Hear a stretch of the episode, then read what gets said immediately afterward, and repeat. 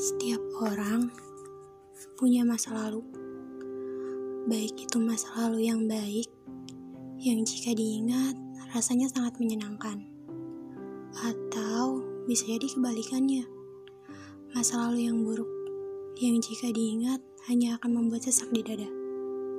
Sebagian orang menganggap masa lalu ada untuk selalu dikenang dan diingat, tapi sebagiannya lagi membiarkan masa lalu berlalu begitu saja. Bukan, bukan karena menolak untuk ingat kembali, tapi bagi mereka masa lalu itu sudah selesai. Itu sebabnya tidak perlu lagi bertanya bagaimana masa lalu seseorang. Enggak, bukan berarti kamu nggak boleh kepo. Hanya saja terkadang ada orang-orang tertentu yang menutup rapat masa lalu mereka dan tidak membiarkan itu menjadi konsumsi publik. Rasanya cukup disimpan rapi sendiri saja sudah cukup.